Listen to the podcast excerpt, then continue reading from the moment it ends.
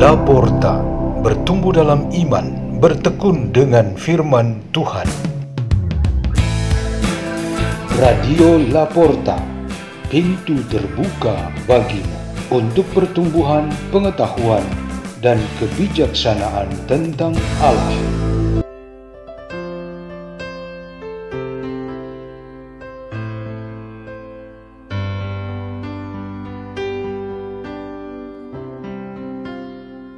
Bacaan dan Renungan Sabda Tuhan Hari Kamis Pekan Biasa ketiga Tanggal 26 Januari tahun 2023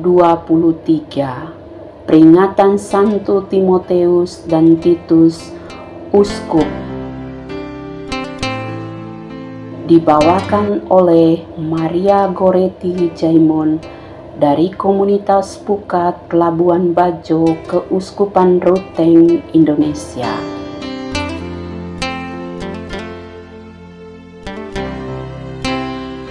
Pembacaan dari surat kedua Rasul Paulus kepada Timoteus. Dari Paulus, Rasul Yesus Kristus, yang oleh kehendak Allah diutus memberitakan janji tentang hidup dalam Kristus Yesus kepada Timoteus anakku yang kekasih kasih karunia rahmat dan damai sejahtera dari Allah Bapa dan Kristus Yesus Tuhan kita menyertai engkau. Aku mengucap syukur kepada Allah yang kulayani dengan hati nurani yang murni, seperti yang dilakukan nenek moyangmu.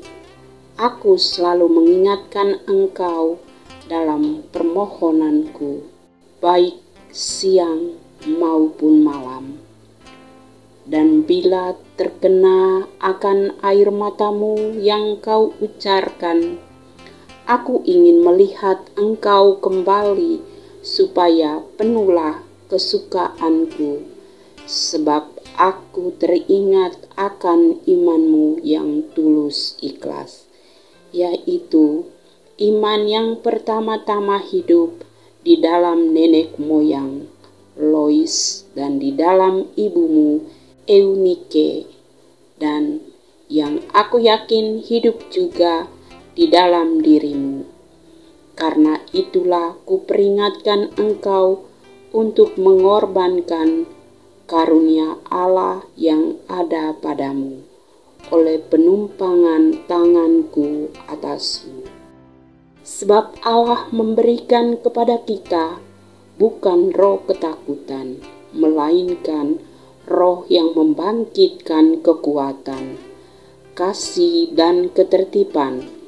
Jadi, janganlah malu bersaksi tentang Tuhan kita dan janganlah malu karena aku seorang hukuman karena dia.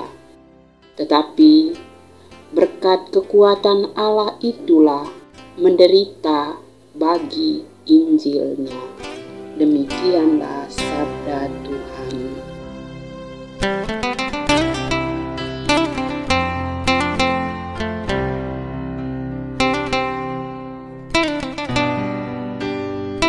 Tema renungan kita pada hari ini ialah para pekerja bagi Tuhan.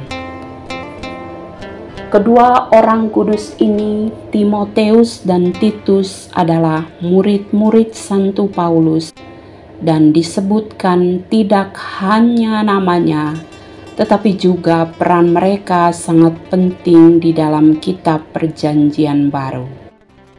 Kita tahu Paulus melakukan suatu pekerjaan misionaris yang luar biasa. Kedua murid itu adalah para pekerja bagi tuayan besar ladang Tuhan. Keberhasilan Paulus ini ditentukan oleh satu faktor penting, ialah bantuan Timoteus dan Titus. Mereka berperan utama sebagai pelayan, sebab murid-murid tugasnya ialah belajar dan melayani. Setelah mereka menjadi mampu dan kompeten, saat Paulus menjalani hukuman penjara yang harus dijalani dalam perjalanan sampai ke Roma, kedua murid ini menjadi mandiri. Tetapi mereka tidak lantas melepaskan tugas melayani, lalu menjadi bos yang dilayani. Mereka masing-masing menjadi uskup di tempat tugasnya dan terus menjadi pelayan. Mereka sekali melayan, tetap melayani sampai akhir hayatnya. Melepaskan diri dari Paulus dan kedua juga terpisah masing-masing.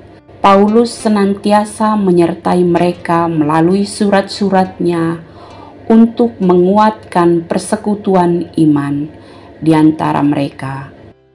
Masing-masing adalah seperti biji sesawi yang tumbuh menjadi besar. Di tiap-tiap tempat karyanya, Paulus ikut memelihara biji yang sudah tumbuh itu. Mereka masing-masing mengembangkan tugas yang diamanatkan oleh Yesus dalam memberita perutusan kepada para rasul dan seluruh gereja para utusan adalah para pekerja dan bukan yang dilayani.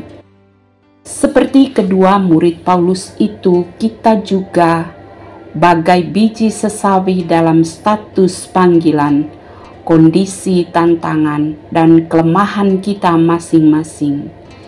Biji sesawi karunia Tuhan kepada setiap orang itu unik dan tak pernah sama untuk dua orang.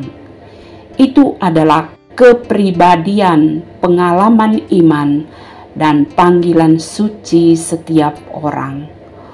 Oleh karena keunikan ini, sebenarnya orang-orang tidak boleh iri satu sama yang lain. Lantar ada yang punya kehususan di satu sisi di sini lain dia punya orang lain. Tidak hanya iri hati, tetapi sikap lain juga seperti copy paste. Keunikan orang lain lalu menyelimuti diri sendiri. Keaslian diri sendiri hampir tidak tampak. Ini adalah kepalsuan yang besar-besaran.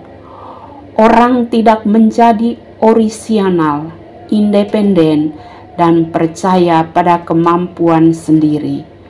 Kalau copy paste itu hampir sama dengan mencuri, sementara sikap manja dan selalu bergantung merupakan sikap yang menempel saja.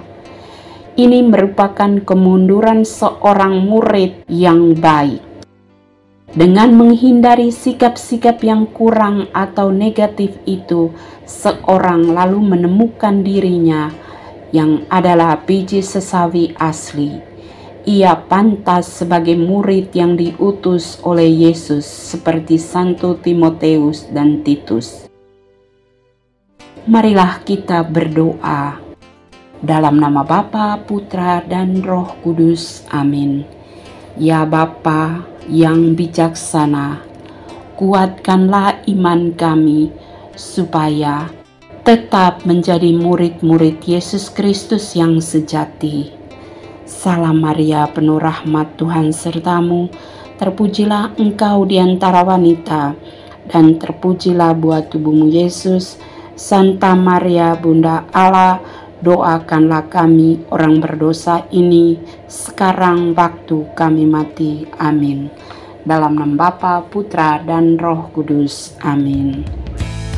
Radio Laporta, pintu terbuka bagimu.